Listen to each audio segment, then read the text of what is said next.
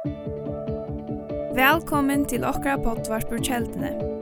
Loika mykje hvert var stater i dag, så vana vi at hesen båskapring kan være til oppbygging for det og for tukt antall av loiv. Takk for at du loir av og njød dagsens båskap.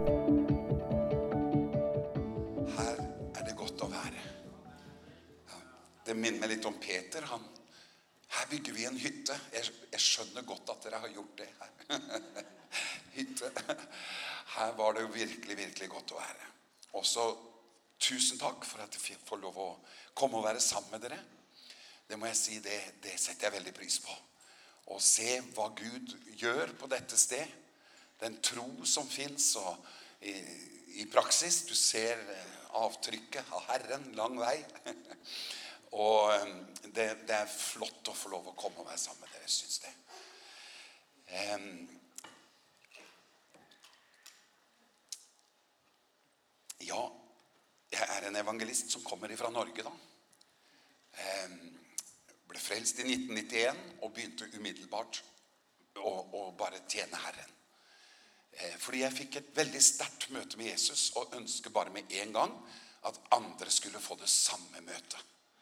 For jeg hadde ikke hørt om den veldige kraften som fantes i evangeliet før jeg opplevde den. Jeg trodde det var litt sånn religiøst. Jeg tenkte det var noen normer og noen regler som man måtte forholde seg til. Og selvfølgelig finns det normer og, og regler, men, men det er jo produkter av den nye skapningen. Nå skal jeg ikke gå inn i det. Men når man ikke er født på ny, så ser det ganske sånn kjedelig ut, grått. Du vet, Hvis du går inn i en kirke som har sånn blyglassvinduer, sier man det, sånn, eh, sånne vinduer med eh, farger i, i en kirke du går inn, og så har det sånne blyglassvinduer, kaller det i Norge. Så har de gjerne kanskje et maleri, og så forskjellige farger på, så når du står på utsiden og ser på de vinduene, så ser de grå ut. Men når du kommer på innsiden, og ser ut, så ser du gult og grønt og blått, og da ser du fargene og bildet tydelig. Og litt sånn var det for meg når jeg ble frelst. Jeg sto på utsiden og vurderte kristenheten. Det så litt grått og mørkt ut, men så kom jeg på innsiden, så så jeg alle fargene. Wow! Det här vill jag ha, det här vill jag leva i. Det här är jag designad för. Halleluja. Vi är designade till att ha samfund med Gud. Vi är laga till att vara samman med Gud och vara utsatt för Guds välsignelse. Det var Edens hage. Det var det vi blev eh, originalplanen. Det var ju nettopp det at Gud vil være sammen med oss, og så er han en velsignende Gud som vil velsigne oss. Um, så begynte min reise, og jeg fortsetter og fortsatt å bare løfte opp navnet Jesus. Det, det er min jobb. Tenk å få lov å jobbe med det. Det er verdens beste jobb. Å, løft, å få skryte av Jesus. Å løfte opp navnet Jesus. En jobb, sier du? Nei, men jeg får lov å holde på med det hele tiden. Å leve med det her er helt utrolig. Det, det, jeg tror ikke det finnes noe bedre jobb.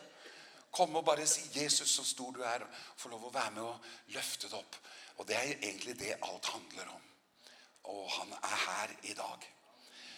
Så jeg ble fylt med den hellige ånd og løst fra narkotika. Jeg var blitt narkoman. Jeg var 26 år gammel. Og så fikk jeg oppleve da Guds kraft, og det gjorde at jeg gikk ut og ville at andre skal oppleve det samme. Og det holder jeg på med enda, over 30 år senere. Og jeg er ikke gått lei av det. Jeg synes bare det blir bedre og bedre, og sterkere og sterkere, når jeg ser inn i Guds ord. Og, og jeg har et ønske i mitt hjerte. Det er at, eller, eller jeg tror på det som har med vekkelse å gjøre. Er det noen som tror på det her? Ja. Amen. Vi tror på langsiktig strategisk bygging av Guds menighet, men parallelt så må vi også ha tro for at Gud kommer og, og bare gjør noen sånne spesielle saker innimellom.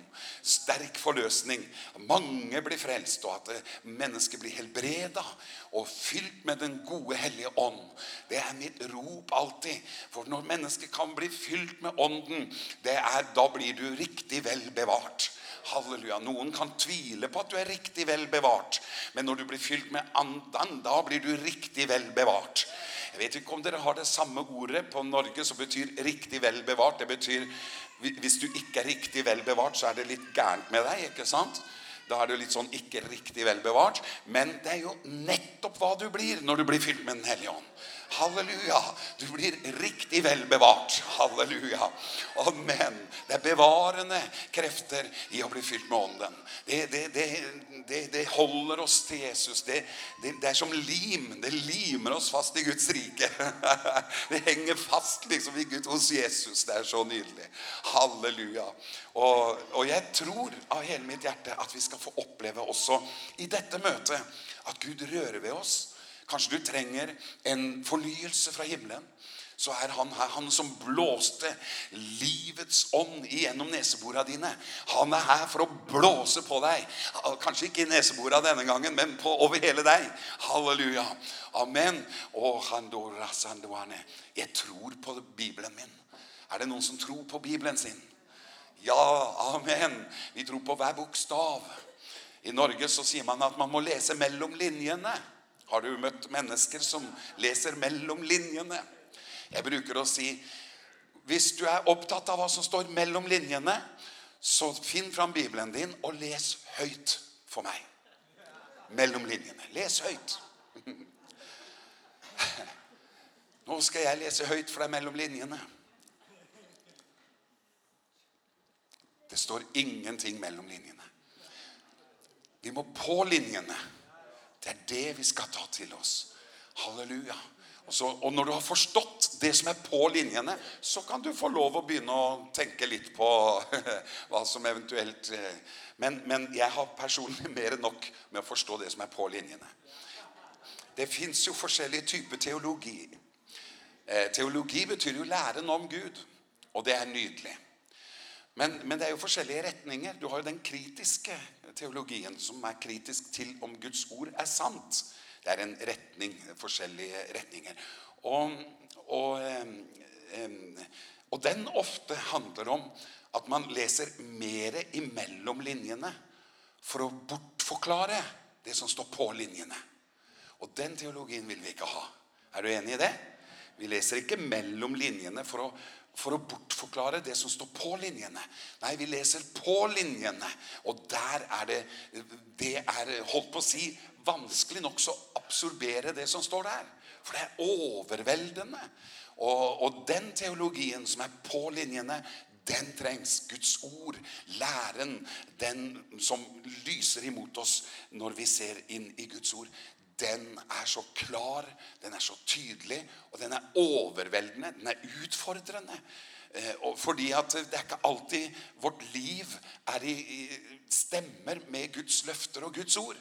Men da tar vi vare på Guds ord allikevel. Og så holder vi på det fast helt til Guds ord. Halleluja, setter oss fri og forvandler vår situasjon så den stemmer med Guds ord. Halleluja. Den teologien er vi åpne for. I hvert fall hjemme i Norge. Halleluja. Dere, jeg har stått og tenkt fælt på på og vurdert. Men det kommer liksom en noe som har betydd mye for meg, dette med evangeliet, Guds ord. Hvis vi vil oppleve vekkelse og mirakler, så er det så viktig at Guds ord er forankret. Det er forankret i Guds ord. Mine meninger er forankret i Guds ord. Det finns mange meninger og forskjellige tolkninger men, av Bibelen, men det er egentlig bare én tolkning av Bibelen. Og det, og det er den hellige ånds tolkning.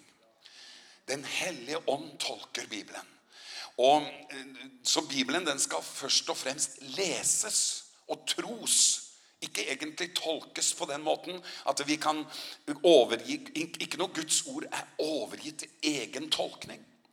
Vi kan ikke, ja, jeg tolker det slik, og jeg tolker det sånn, og så skal vi liksom respektere hverandres tolkninger, og så, og så er vi like langt, men selvfølgelig har vi respekt for hverandre, men, men, men en tolkning i Bibelen skal egentlig ikke tolkes, men den skal leses.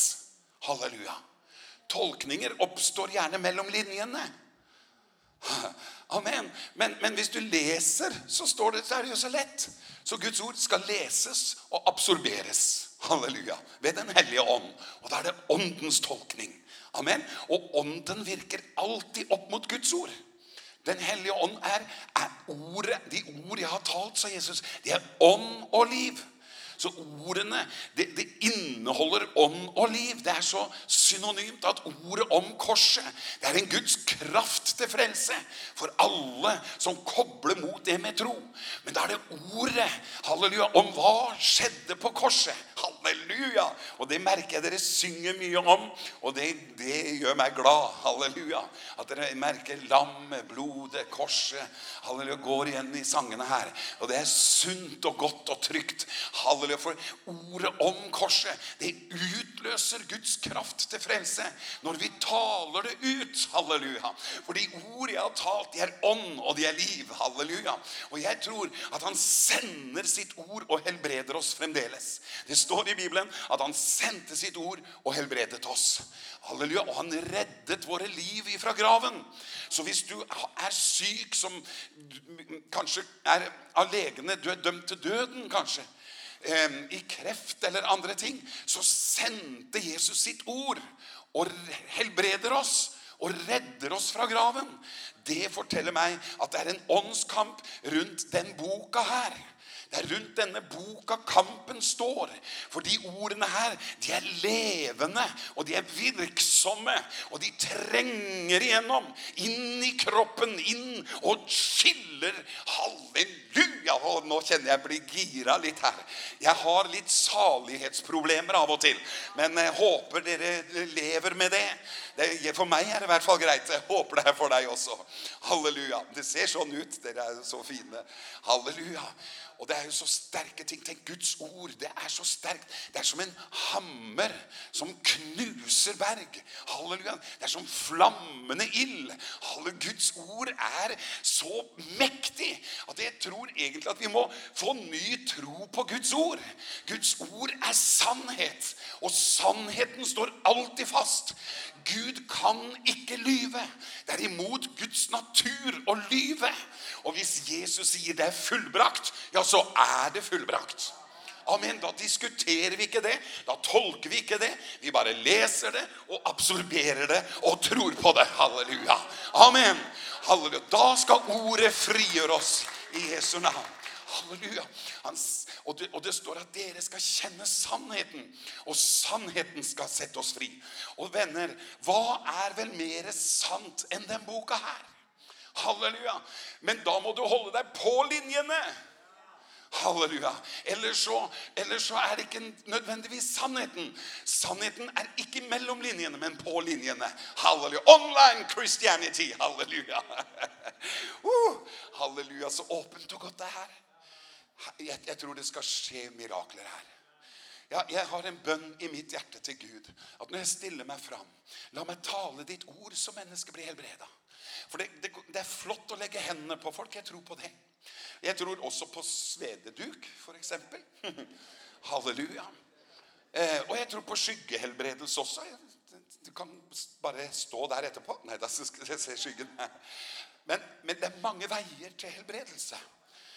Eh, og det tror jeg er fordi at Gud er interessert å, å, å, å komme med helbredelse. Og det går ikke an å tro, som vi var inne på fredag, det går jo ikke an å tro på, en, på Jesus i sin fylde hvis ikke du tror at han også er en helbreder, og at det er en del av forsoningen.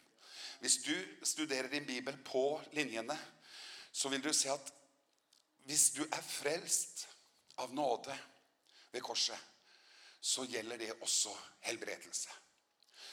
Og så, så det er i forsoningen. En gavepakke i forsoningen. Og forsoningen, det er Guds avtale med oss. Den nye pakt. Det er en, en, en pakt, det er en avtale. Og den er ubrytelig, fordi den ble innstiftet av Gud. Og Gud holder sin del av avtalen. Halleluja. Hvis det var du og jeg som innførte en avtale med Gud, så var den svak. Halleluja. Men jeg vil opprette min pakt med deg. Halleluja, så det er Gud som er initiativtageren. Hall, det synes jeg er deilig, for da kan jeg senke skuldrene og vite at Gud, det her er ikke min idé, dette med at du har gitt oss legedom i forsoningen. Og jeg tror det er viktigere nå, i denne siste tid, å ta tak i det budskapet som har med legedom å gjøre. For det vil være en motor i vekkelsen.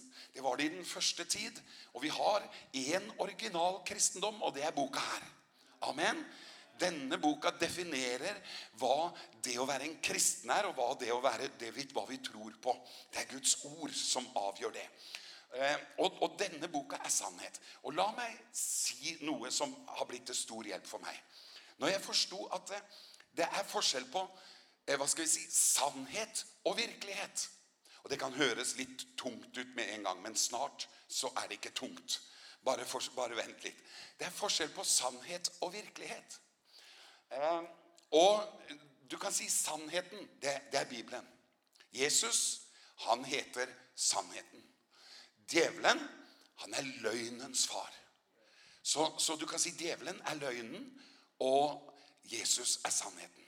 Og de står i hverandre imot, selvfølgelig. Og, og hvis du tenker på det, så er jo djevelen opphav til all løgn. Og han vil at vi skal tro på løgnen i stedet for å tro på sannheten. Men vi tror på Jesus, da tror vi på sannheten. Halleluja. Og vi har bestemt oss for å tro på sannheten, har vi ikke det? Og sannheten, den har vi her. Og vi skal kjenne sannheten. Og vi skal omfamne den. Da skal sannheten sette oss fri. Fra løgn, blant annet. Fra djevelens arbeid, som er å myrde, stjele og ødelegge. Og, og djevelen er i virksomhet med å myrde. Han myrder gjennom sykdom og andre ting. Han er ute etter å ødelegge helsa di, familien din, livet ditt, relasjoner med mennesker, i menigheter. Det er ødeleggende krefter i, i himmelrommet som arbeider på spreng for å forstyrre og ødelegge for Gud og Guds planer. Og det er en åndskamp som pågår enten vi forstår det eller ikke. Så er det en kamp i himmelrommet. Og, og egentlig så er det jo, å, nå, å, å, halleluja, nå, er jeg, nå kommer jeg nærmer jeg meg Golgata her, så nå blir jeg salig på forhånd. Halleluja.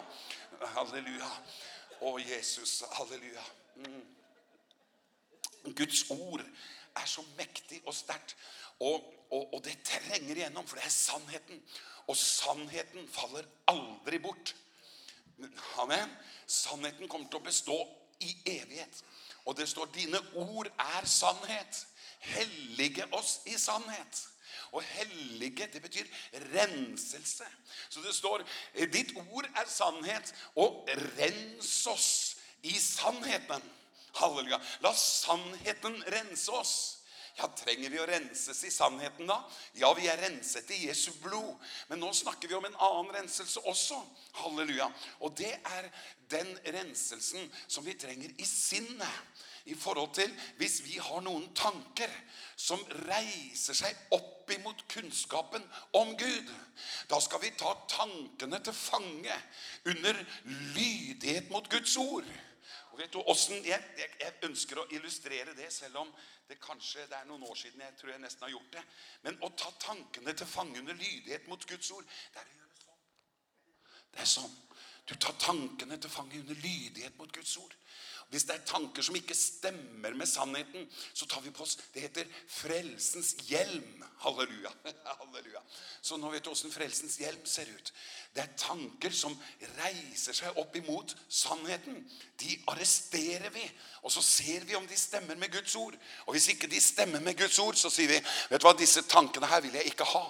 Jeg vil ikke ha med dere tanker å gjøre, for det stemmer ikke med sannheten. Og du skjønner det, at virkeligheten, la meg si litt om virkeligheten også. Virkeligheten, det definerer jeg som min situasjon i nåtiden. Min virkelighet er hvordan jeg har det i nåtiden, akkurat nå. Hvordan jeg har det nå, og la meg forklare. Min livssituasjon er min virkelighet selvfølgelig. Ikke sant? Og din livssituasjon er din virkelighet. La oss si du er her nå, i denne stund, i nåtiden, og du har, la oss si, økonomiske problemer.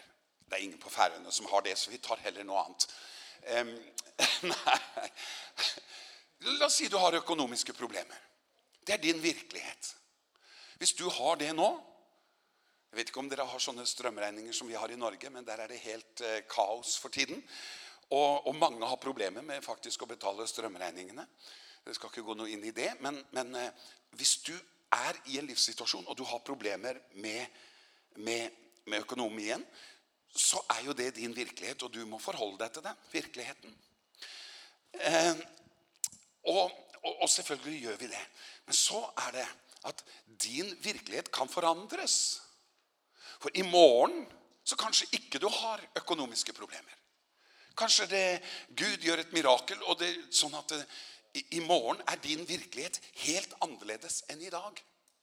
For virkeligheten, den kan forandres. Er vi enige i det? Din situasjon, livssituasjon, den kan forandres. Om du er syk i kroppen din akkurat nå, så er det din virkelighet. Ok? Da er du syk. Og da er det ikke sånn at vi står og sier, jeg er ikke syk, jeg er ikke syk, jeg er ikke syk. Nei, vi fornekter ikke virkeligheten, men vi anerkjenner sannheten. For du skjønner, virkeligheten, det er sånn som du har det akkurat i nåtiden.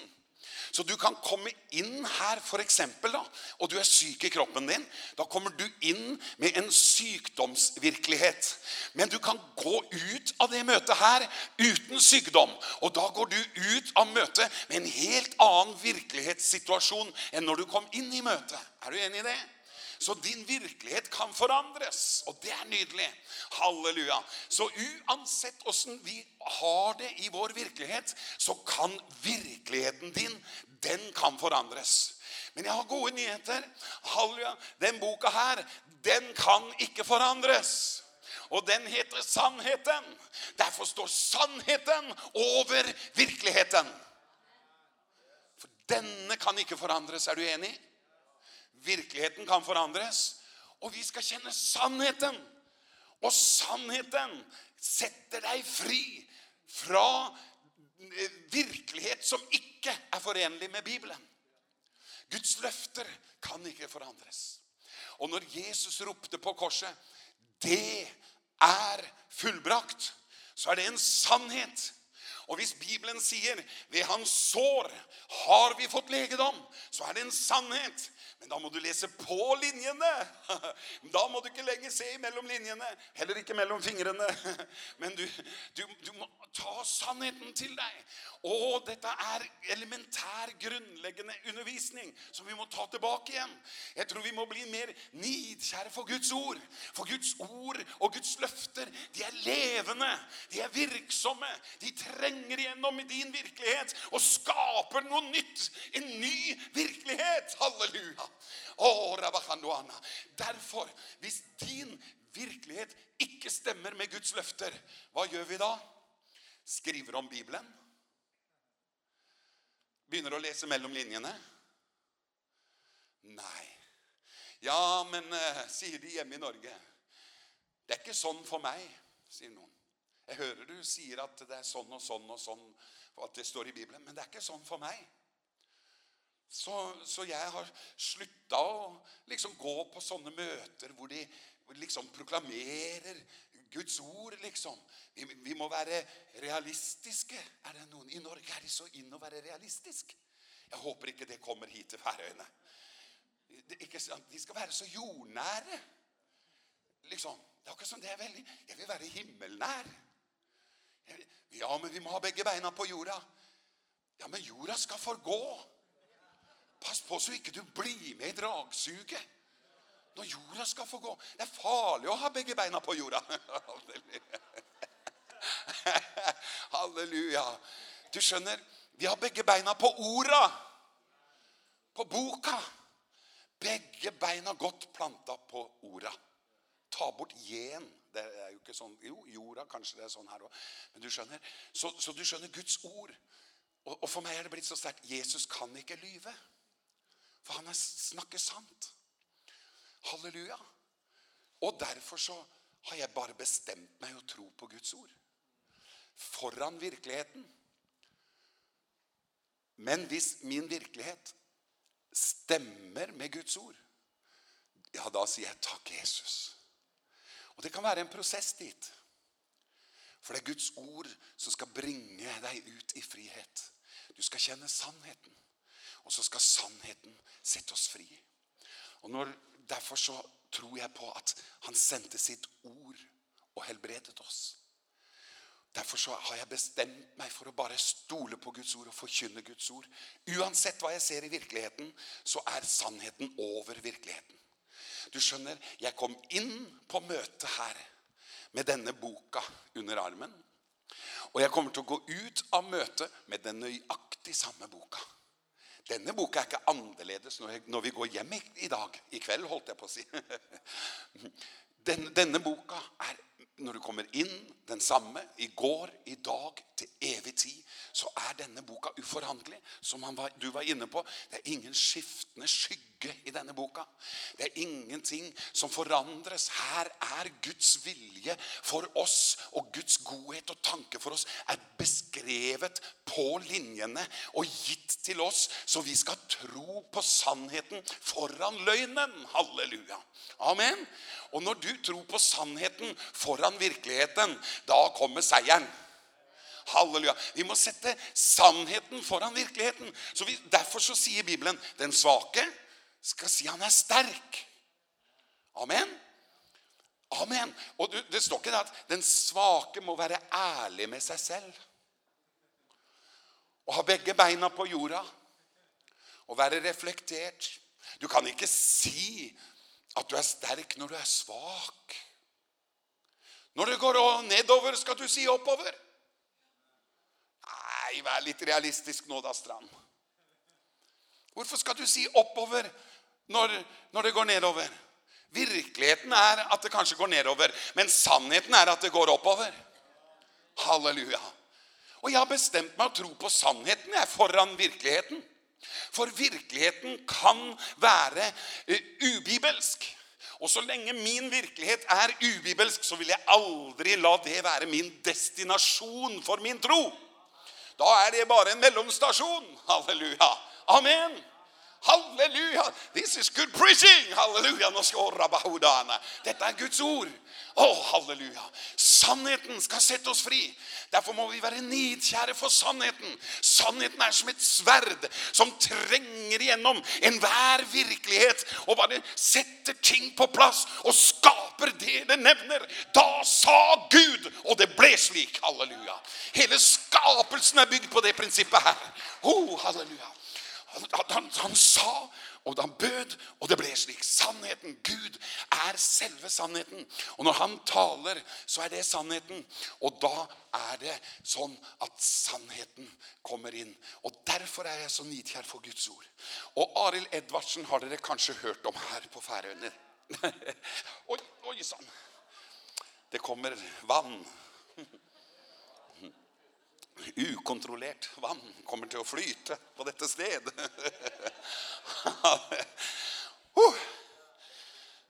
Halleluja.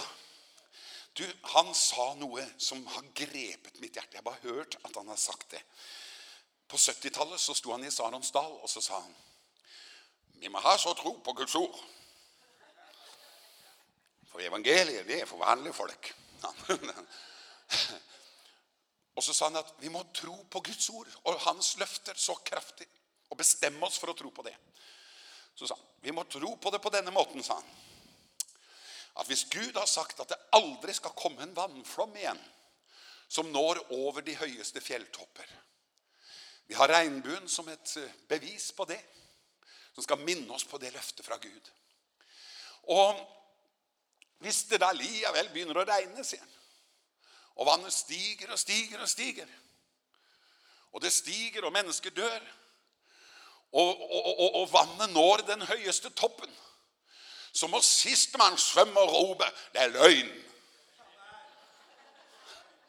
Det er løgn. Det er løgn. Det er løgn. Gud kan ikke lyve.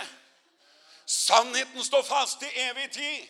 Jeg har valgt å satse på sannheten framfor omstendighetene. Omstendighetene kan storme og rase og skape, djevelen kan skape forskjellige virkeligheter i våre liv. Men det er så viktig at ikke vi aksepterer en ubibelsk virkelighet som din livssituasjon resten av livet. Du må aldri omfavne en ubibelsk virkelighet. Du må aldri kapitulere bare fordi din virkelighet ikke stemmer med Bibelen. Det er mange som gjør det når det gjelder helbredelse hjemme i Norge. De ser på seg selv og tenker, ja, ja, jeg har fått gikt. Jeg har, vondt, jeg har fått lumbago. Vondt i ryggen. Ja, det er din virkelighet. Ok, er du her nå og har vondt i ryggen, så er det din virkelighet. Da står ikke jeg og sier at du skal si at du ikke har vondt i ryggen først og fremst. Det er ikke der trykket skal ligge. Men du skal se inn i Bibelen. Og så står det ved hans sår har vi fått legedom. Ja, men det er ikke sånn for meg. Det er lett for deg å si det. Du som ikke har vondt i ryggen. Ja, det er lett for deg å si det kan ikke stå der og si at vi har fått legedom når jeg har fått vondt i ryggen. Din virkelighet er at du har vondt i ryggen, men sannheten er at du har fått legedom ved Jesus år. Det er jo sannheten, for han kan jo ikke lyve. Og det er jo Guds løfter. Og vet du hva jeg tror? Noen ganger så er vi mer styrt av virkeligheten enn av sannheten. Jeg tror noen ganger at hvis, hvis virkeligheten vår blir plagsom og ille, og du har kanskje bedt til Gud, og det har liksom ikke skjedd noe, så etter en stund så begynner vi å anerkjenne ja, ja, noe må vi jo ha. Ja, noe må vi ha. Vi må ha legedom. Det er det vi må ha. Noe må du jo ha. Legedom må du ha. Det står ikke i Bibelen at noe må dere jo ha. Du er ikke i himmelen enda. Vi er jo på jorda. Vel, kapittel og vers. Takk. Ved hans sår har dere fått legedom, men noe må dere lære å leve med. Det står ikke, jeg har ikke finnet det bibelverset enda. Og jeg vet at dette kanskje kan høres litt sånn brutalt ut, men spesielt opp imot legedom, men det gjelder alle ting. Det gjelder for eksempel en økonomisk vanskelig situasjon. Stol på Guds løfter. Herren er din hyrde. Og du mangler ingenting. Jeg synes det var så sterkt at dere har et gjeldfritt bygg. Det er veldig bibelsk. Du skal ikke trenge å låne, men du skal låne ut til mange, står det. Det skal hodet og ikke hale, skal over og ikke under. Så det finns noen løfter som Gud vil vi skal stole på og omfavne. Og hvis vår virkelighet ikke stemmer med Guds løfter, så kjære, kjære venner, la oss ikke anerkjenne virkeligheten for tidlig. La oss anerkjenne sannheten. Det er som la sannheten, hva skal vi si, eh, virkeligheten må overholde vikeplikten. Amen. Halleluja. Eller så går du på en smell. Her kommer virkeligheten. Ja vel, men den har vikeplikt for sannheten. For sannheten står fast. Sannheten kan ikke forandres, men det kan virkeligheten. Så virkeligheten er sårbar. Virkeligheten er forandringsbar. Men det er ikke sannheten. Sannheten står fast i går, i dag, til evig tid. Så Gud, her i denne stund, på dette sted, så er det legedom som er gått ut ifra Golgata. Halleluja. Og nå skal jeg ta et lite eksempel på hva jeg synes er så fint. For noen sier hjemme i Norge til meg, ja, men det er fullbrakt, men det er ikke sånn for meg, sier de. Nei, men det er kanskje ikke blitt din virkelighet enda. Men det er gått ut fra Guds hjerte. Det er ikke det at Gud holder tilbake legedom i himmelen. For når Jesus ropte det er fullbrakt, så ble det fullbrakt. Og da, da gikk det ut fra Guds konto, kan du godt si. Ikke sant? Hvis du sitter i nettbanken og betaler en regning, Så taster du inn beløpet, og så godkjenner du med koden, og så står det 'betaling utført'. Og så går altså beløpet ut av din konto. Da har jo du betalt, ikke sant? Og du har det til og med skriftlig. Betaling utført. Og så kanskje du betaler en strømregning. Og så ringer du til strømregnskapet. Du, nå har jeg betalt i nettbanken regningen. Den har gått ut fra min konto, så nå har jeg betalt. Kan du bare sjekke om transaksjonen har gått greit. Så ringer du til, da, til strømselskapet og sier, kan du se om dere har fått penger? Så går han inn i dem sin nettbank da, og så sier han, nei, her er det ingenting. Han forholder seg til sin, det han ser. Det er ikke kommet inn noe betaling for strømregning her, sier det. Det sier strøm, elektrisitetsverket, sier det. Men så sitter du hjemme og ser på din PC. Jo, jeg ser her at pengene har gått ut.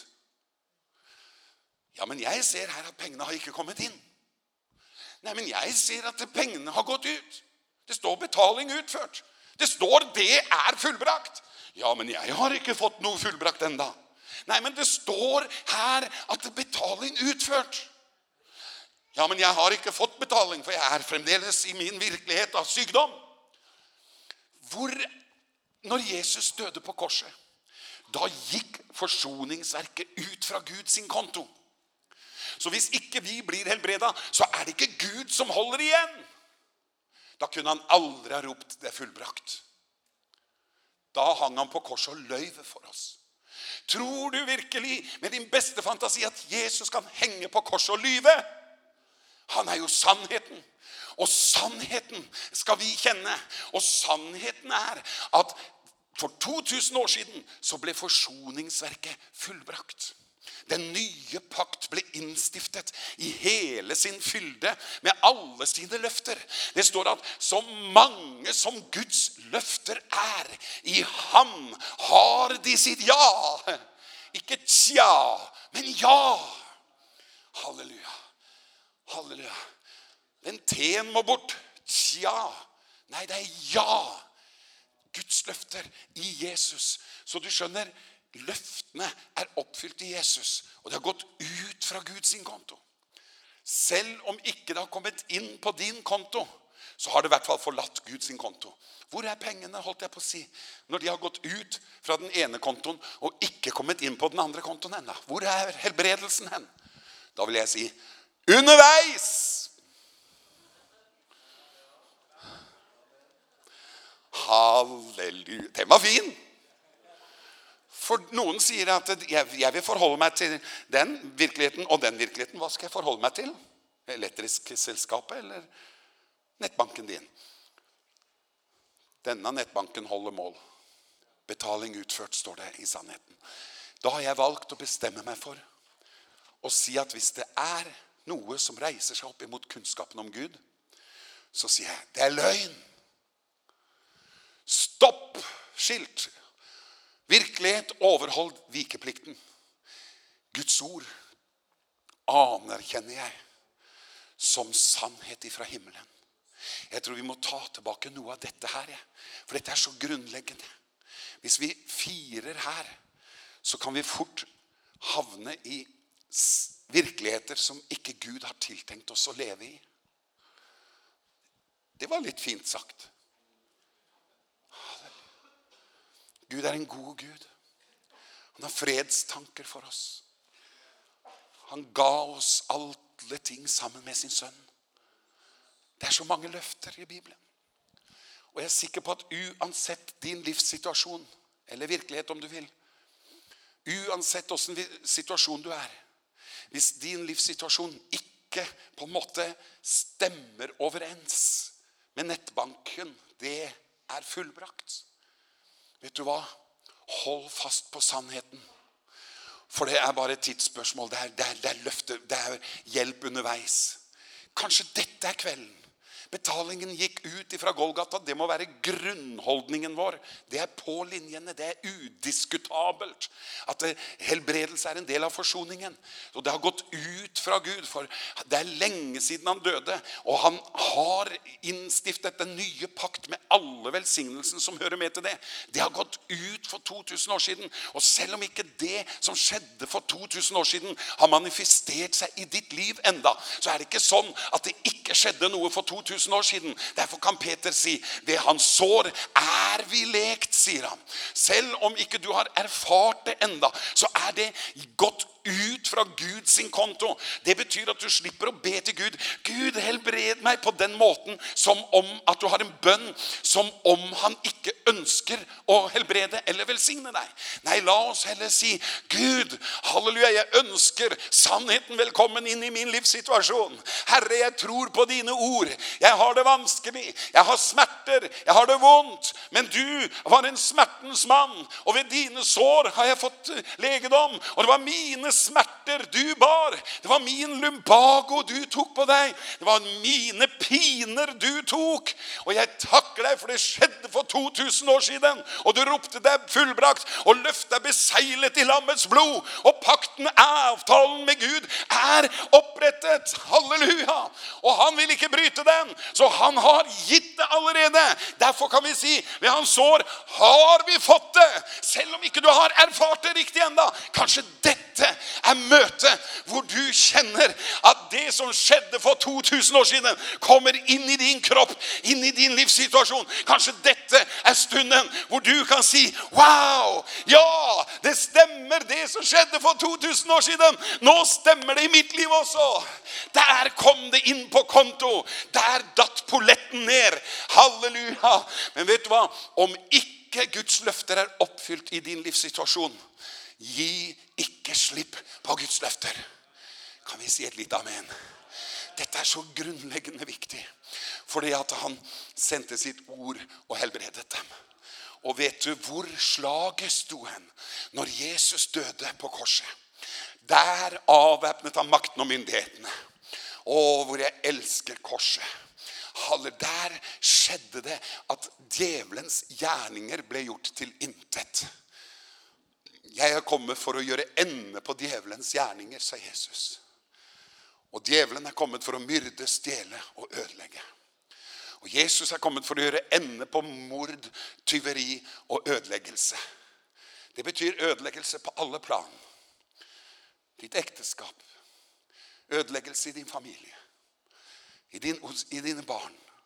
Alt som du har kjært. Alt som Gud har velsignet oss med. Det vil djevelen ødelegge. Han vil ødelegge, ødelegge, ødelegge. Han vil at du skal dø, gjerne i sykdom. Han vil ødelegge for deg med sykdom, med alt, alt han kan stable på beina. Og så, så, men så er jo djevelen beseiret. Og, og da skal vi lande det hele inn der. I Norge bruker vi veldig lang tid på å lande. Cirka tre timer.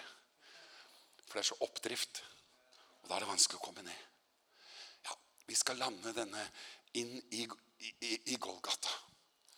For det er Guds ord.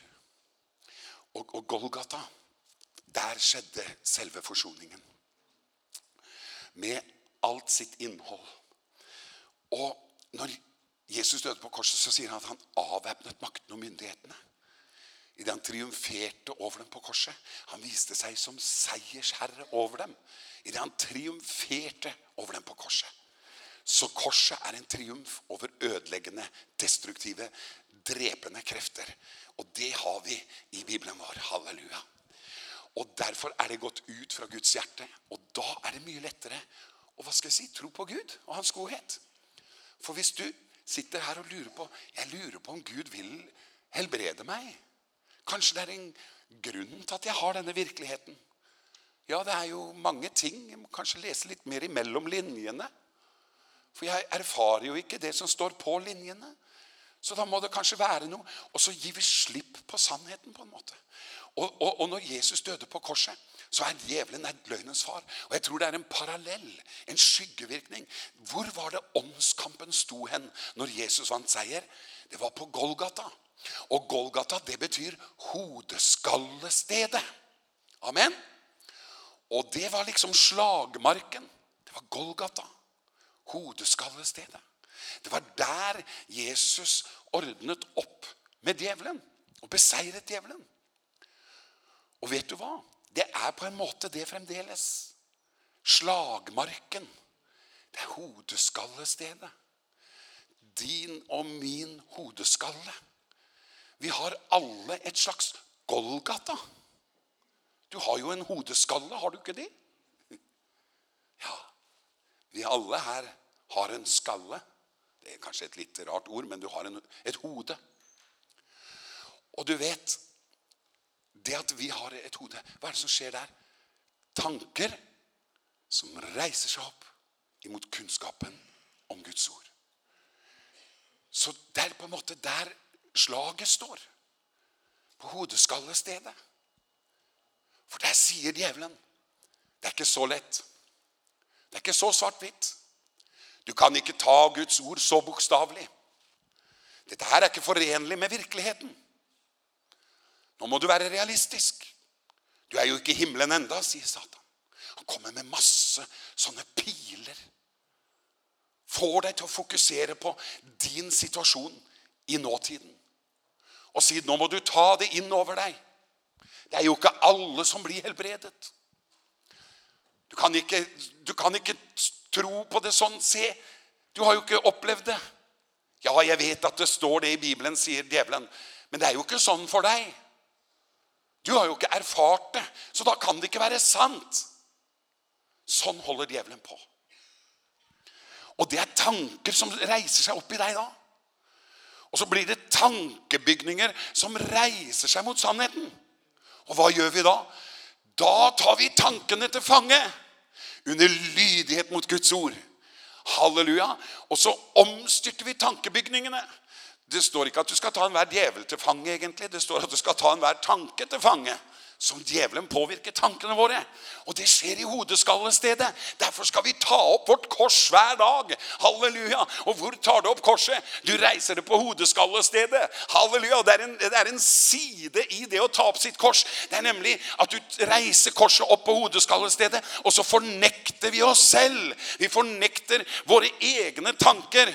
Og så på hodeskallestedet, der døde Jesus og ropte, det er fullbrakt. Det forteller meg at at det eneste ropet Gud vil høre oppi hodeskallestedet ditt, det er det er fullbrakt, må det lyde på hodeskallestedet. Amen. Halleluja. Han ropte ikke det er halvbrakt.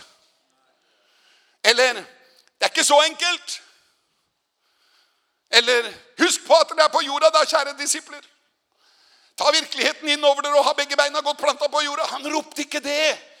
Hodeskallestedet, der lyder et seiersrop inn i åndens verden. Det er fullbrakt, skal det lyde på Golgata. Og du har en hodeskalle, og der må sannheten gjalle hver dag. Og du fornekter deg selv og anerkjenner det fullbrakte verket på Golgata og sier, det er fullbrakt. Jeg er helbredet. Ved Jesus sår har jeg fått legedom, og tro bare at du har fått det, at det har gått ut, så skal det vederfares deg. Jeg elsker det ordet der. Det, det er sånn gammelt norsk ord. Det er kanskje det jeg likt på færøysk. Vederfare. Vederfares. Tro bare at du har det, så skal det vederfares deg, står det. Erf og hvis du snur det andre veien, så blir det erfares ved deg. Vederfares. Du skjønner, tro bare at du har fått det. Så sier noen, ja, men jeg kan ikke tro at jeg har fått det når ikke har fått det. Du må tro at det er fullbrakt. Du tar tankene til fange. Selv om din virkelighet er at det ikke er fullbrakt i din kropp, så har du fått det, for det har gått ut fra korset. Så da har du fått det. Selv om ikke det har kommet inn på din konto, så har du fått det. Og dette, derfor kan du tro på helbredelse, selv om ikke du har erfart helbredelsen. Derfor kan du tro at du har fått det, selv om du egentlig ikke har fått det. Derfor så sier han, tro bare at det gikk ut fra Golgata. At forsoningen er fullbrakt. Tro på det. Så skal det erfares ved deg, står det halvfulle. Da skal det vederfares deg. Så derfor så må vi tro på det fullbrakte verket der Jesus døde for oss, der blodet rant, der han ble pisket til det ukjennelige, der han bar våre sykdommer, der han tok våre smerter, der han tok våre piner. Halleluja, han var velkjent med sykdom, en smertens mann. Han døde for oss, sannelig, sannelig, sannelig, sannelig, sannelig, sannheten, sannheten, sannheten, sannelig, Det var våre sykdommer han tok på seg. Det er Guds ord. Guds ord sier at han tok mine sykdommer på seg. Ja, men det er ikke sånn for meg enda. Kan ikke si at jeg har fått det når jeg ikke har fått det. Du kan ikke si at Gud ikke har betalt når han har betalt. Ja, men det er ikke min virkelighet. Nei, men din virkelighet kan forandres, men det kan ikke det Jesus ropte på korset. Det står fast. Himmel og jord skal få gå, men hans ord skal aldri få gå. Halleluja!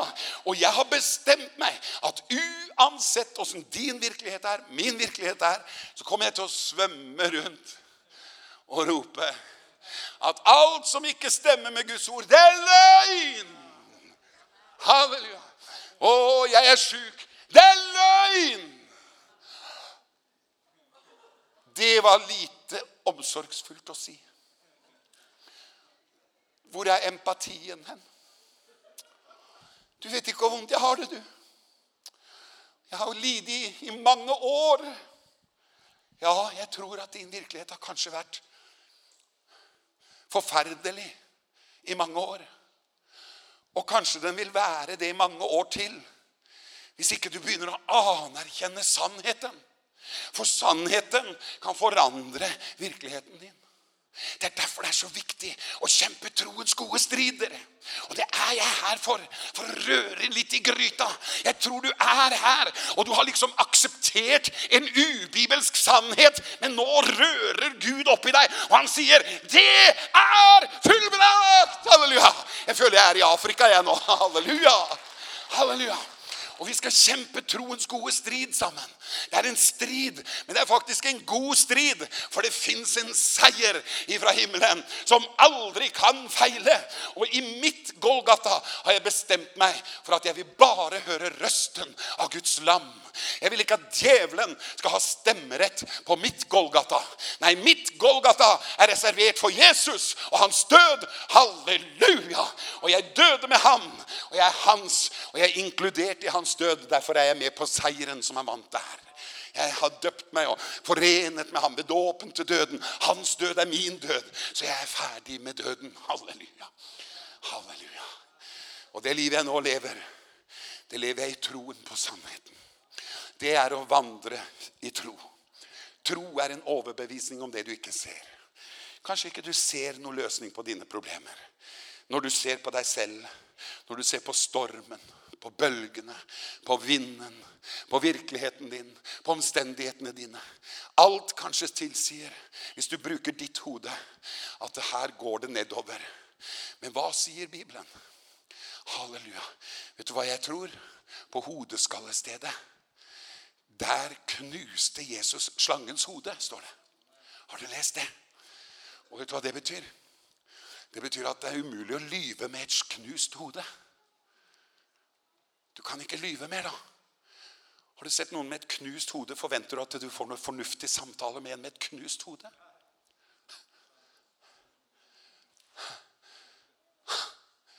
Og det betyr rett og slett at Jesus, det han gjorde på korset, det står, du skal hogge ham i helen, men han skal knuse ditt hode, står det.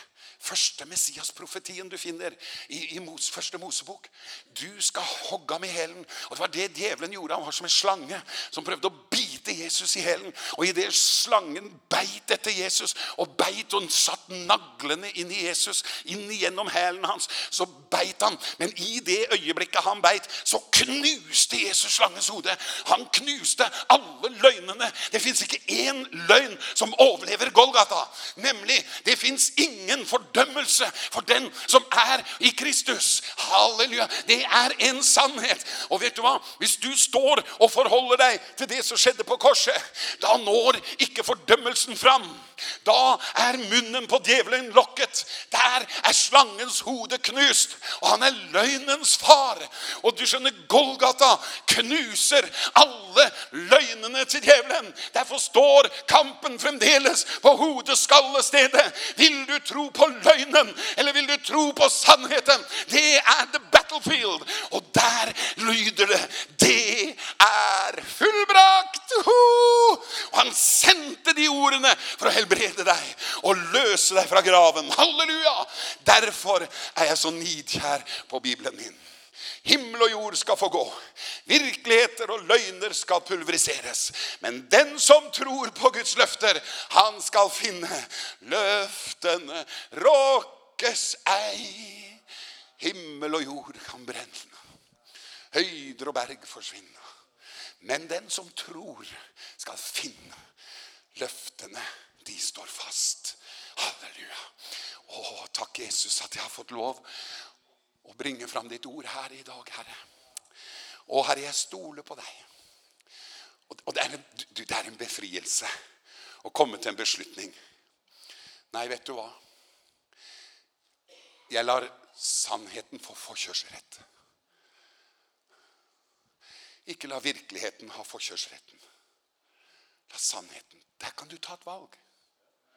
Selv om du ikke har opplevd det i din virkelighet enda, så anerkjenn forsoningen. Uansett hvor syk du er. Jeg sier ikke at du ikke er syk, for det er du i din virkelighet. Så jeg, Det er derfor jeg mener at du skal ikke stå og si at du ikke er syk hvis det er din virkelighet. Da er det bedre at du sier, jeg er syk, men takk Jesus, at min virkelighet kan forandres med din sannhet. Kom og sett meg fri. Og, og da da på en måte, hva skal jeg si, gir du sannheten forkjørsrett. Dette er så nydelig. Jeg kan ikke fungere som evangelist uten dette i bånden av min tjeneste. Og jeg tror vi alle må ha disse grunnsannhetene tilbake igjen. For dette bringer liv, altså. Og jeg tror du kan bli helbredet her og nå. Som sagt, vi kan legge hendene på deg. Du kan få svededuker, og det finnes mange veier til helbredelse. Men det ordet du hører nå, det er den hva skal jeg si, mest massive veien til å bli helbredet. Ta imot Guds ord. Og med det så mener jeg, anerkjenn Guds ord. Binde om din hals du fangne Sions datter. Ta vare på ordene i ditt hjerte. Jeg fant dine ord og åt dem. Jeg tok dem, gjemte dem i mitt liv. Og så er det den som tar og anerkjenner Guds ord. Da vil det begynne å gro. Det er såkornet som begynner å produsere sannhet i deg. For sannheten har kommet inn i deg. Sannheten begynner å gro. Sannheten begynner å vokse. Og så blir det 30 fold. Og så blir det 100 fold. Og så blir det seier. Det må ta vare på Guds ord. Uansett hvordan du har det. Hvis den livssituasjon ikke er forenlig med Guds løfter, finn et løfte. Ta ta det inn og hold fast på det og ikke la djevelen si kom og spise det opp. Disse småfuglene som kommer og tar ordet vet du, fra deg. Du kan ikke ta det så bokstavlig det er ikke så enkelt. Ja, nei, da kommer alle disse løgnene. Og hvor er det slaget står på hodet skal stedet? Hva gjør du? du går opp på korset ditt og sier jeg lever ikke lenger selv. Alle mine egne menneskelige tanker de skal dø. Og når Jesus knuste slangens hode på hodeskallestedet, så må jeg si helt til slutt nå, hva mer skjedde på hodeskallestedet? Jesus innsatte seg selv som hode. Han er hode. Amen. Han knuste slangens hode på hodeskallestedet.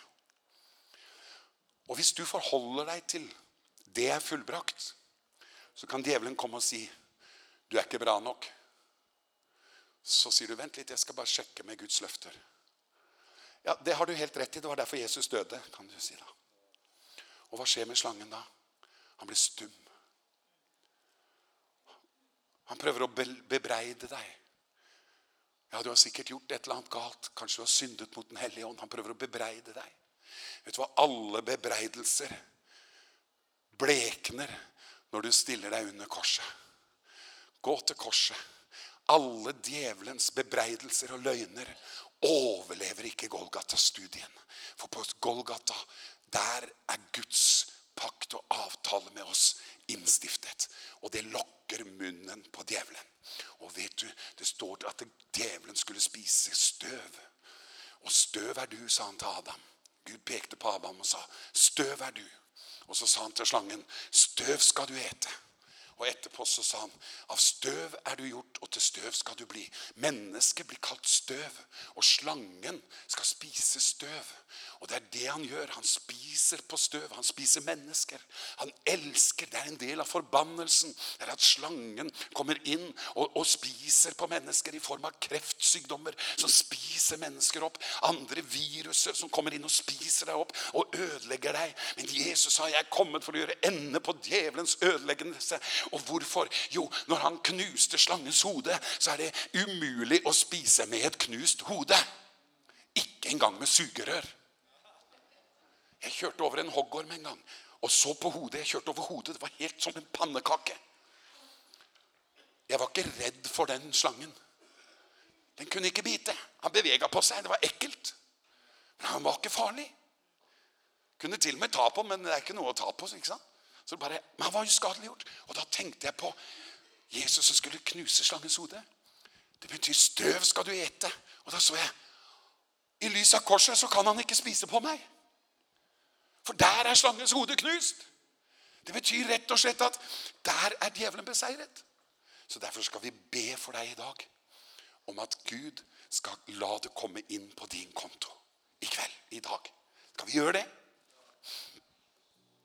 Halleluja. Jeg tror vi har holdt på lenge nok.